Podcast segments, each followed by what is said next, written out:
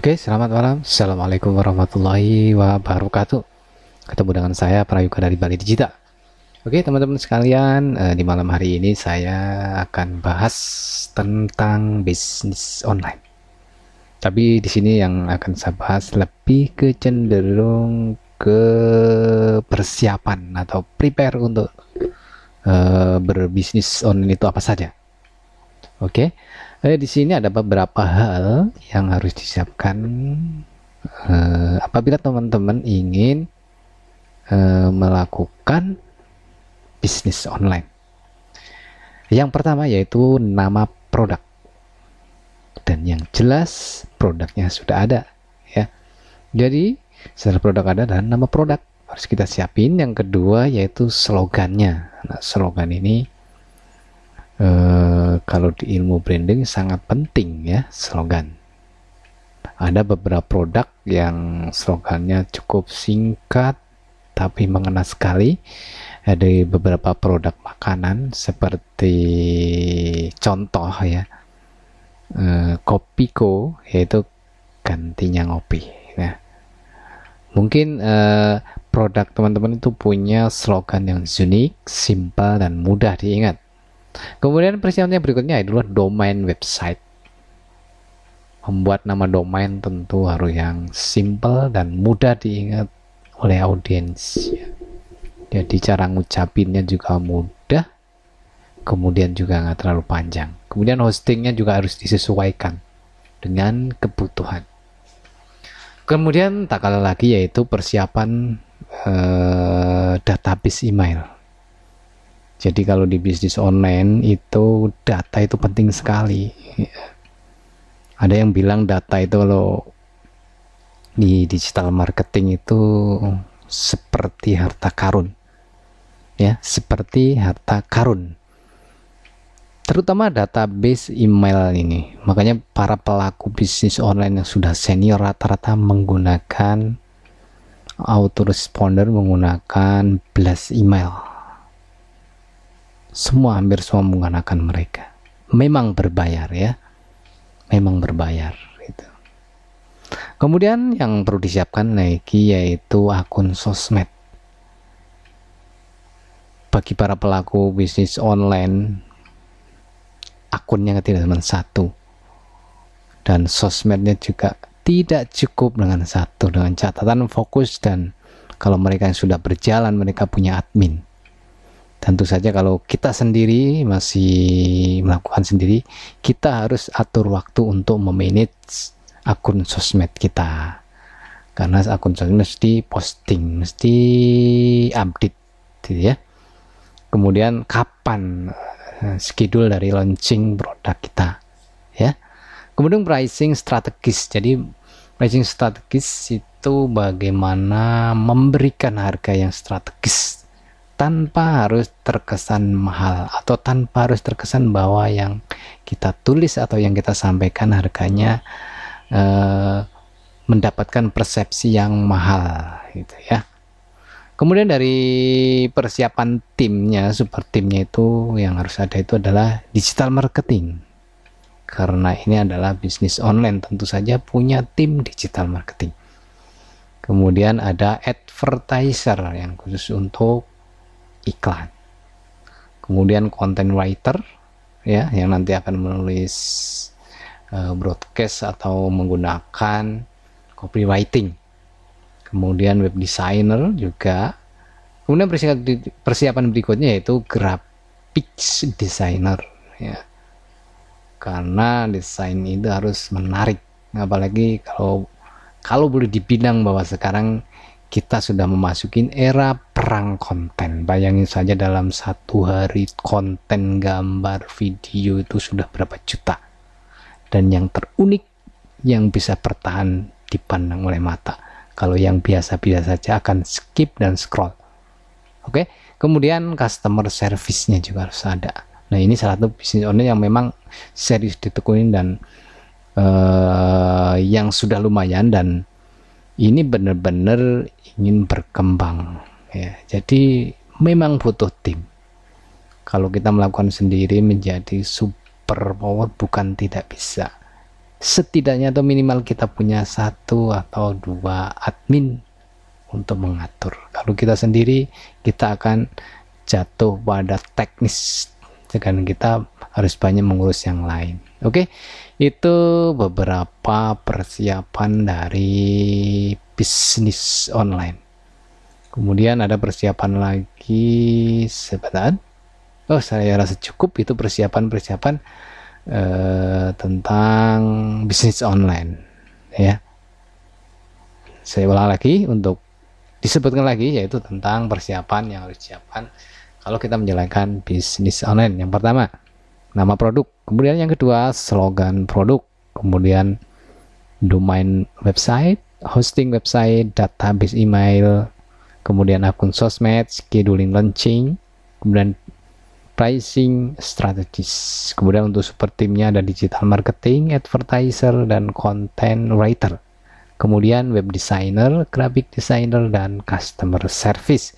Nah, itu adalah beberapa hal yang dipersiapkan kalau kita menjalankan bisnis online. Oke, itu sekelumit tentang bisnis online uh, dan persiapannya. Terima kasih, selamat malam. Assalamualaikum warahmatullahi wabarakatuh.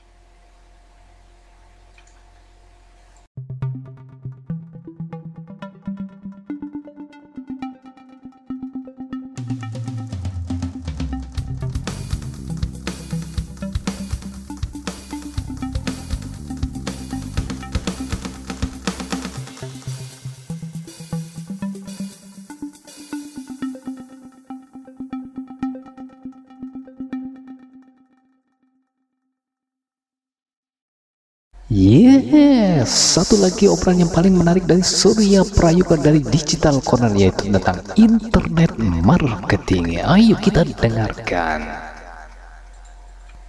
Oke, Assalamualaikum warahmatullahi wabarakatuh. Ketemu lagi dengan saya Prayoga dari Digital Corner. Oke, teman-teman, untuk malam hari ini saya akan bahas secara singkat tentang apa itu traffic karena ini materi sangat penting buat teman-teman pelaku bisnis online yang masih pemula. Karena ini harus dipahami tentang apa itu uh, traffic.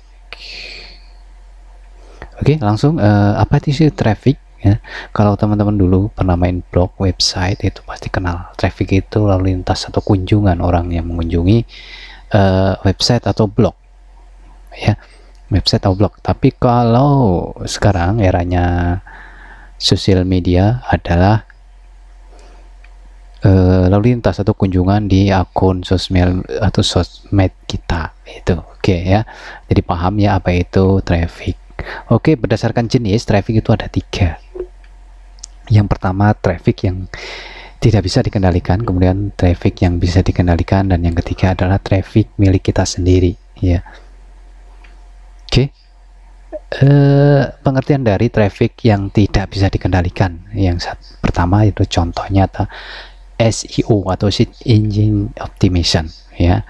Kemudian yang kedua itu content marketing, social media marketing dan affiliate marketing. Social social media marketing itu ya kalau kita menggunakan Facebook, Instagram ya, WhatsApp dan lain sebagainya. Nah, ini kalau saya jelaskan tentu panjang ya. Nanti suatu saat akan saya jelaskan satu persatu. Kemudian yang berikutnya traffic yang eh, bisa dikendalikan. Yang pertama search engine marketing atau SEM. Ini kebalikan dari SEO ya, yaitu free. Kalau ini search engine marketing eh, dia berbayar ya search engine marketing atau SEM itu berbayar kemudian ada pay per click ads ini juga berbayar kemudian ada Google AdWords ya AdWords ini juga berbayar ya ini termasuk dalam traffic yang bisa dikendalikan. Maksudnya bisa dikendalikan adalah bisa mendatangkan traffic yang sesuai dengan kita inginkan. Contoh 1000 2000 eh, sesuai dengan budget kita untuk membayar ya. Itu maksudnya. Tapi kalau yang tidak bisa dikendalikan karena gratis ya kita tidak bisa mendatangkan ya. 1000 atau 10.000 ya. Kemudian traffic yang sudah menjadi milik kita menjadi database kita ya. Itu ada email marketing kemudian ada pixel. Ini ya saya nggak akan jelaskan banyak. Yaitu tentang pixel. Itu ada materi sendiri. Tapi tentang email marketing uh, setidaknya saya buka pemahaman ya. Teman-teman pernah mengisi ya uh, alamat email di satu contohnya ada website yang memberikan ebook gratis atau yang lainnya. Kemudian teman-teman suruh masukkan uh, email marketing eh sorry memasukkan alamat email dengan dengan catatan baru bisa mendapatkan ebook yang diinginkan atau free ebook itu. Nah, secara otomatis orang yang telah masukkan alamat email ke dalam situ berarti mereka menjadi alat emailnya menjadi database orang tersebut yang punya website tersebut ya nah dari uh, alamat email yang dikelola itu ya itu nanti kita bisa ngeblas di alamat email sebanyak 1000 2000 ataupun 10000 dalam satu atau sekali pengiriman. Atau yang orang sering sebut ini uh, email blast. Tapi ini berbayar itu ya. Ini berbayar emailnya. Ya jadi kalau teman-teman pengen menjadi pelaku bisnis yang profesional harus menggunakan ini hampir seluruh dunia orang uh, pelaku bisnis online menggunakan email plus gitu ya kemudian uh, yang berikutnya tentang jenis traffic yaitu ada dibagi lagi menjadi tiga yaitu call traffic, warm traffic dan hot traffic.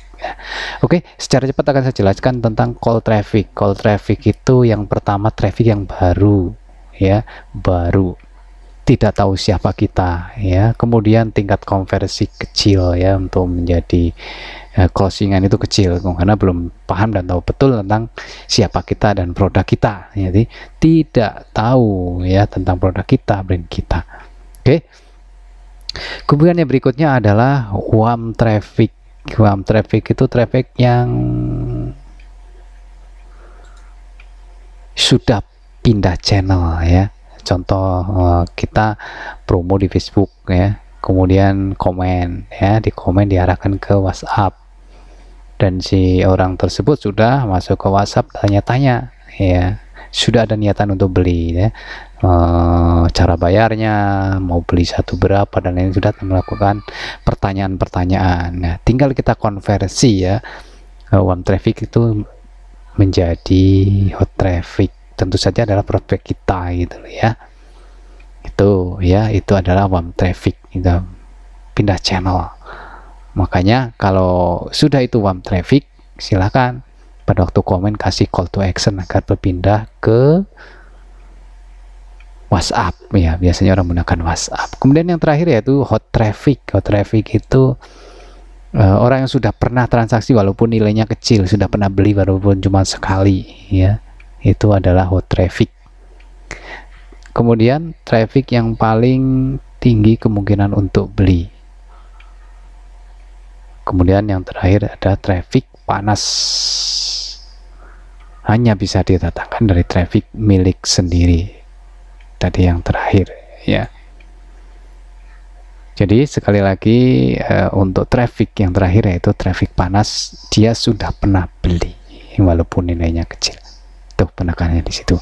Oke ini demikian adalah uh, tentang pembagian dan pengertian traffic untuk malam hari ini.